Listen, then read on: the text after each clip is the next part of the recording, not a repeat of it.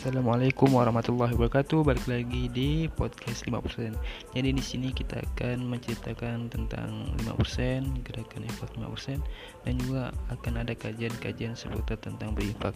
Dan kawan-kawan akan uh, bisa mengenal jauh lebih jauh tentang apa itu uh, berinfak, apa itu fadilahnya dan apa itu uh, tentang keutamaannya dan juga ada akan diberitakan info-info terbaru dari gerakan infak Nosen jadi tunggu terus bisa kawan uh, follow ikuti. Sekian terima kasih. Wassalamualaikum warahmatullahi wabarakatuh.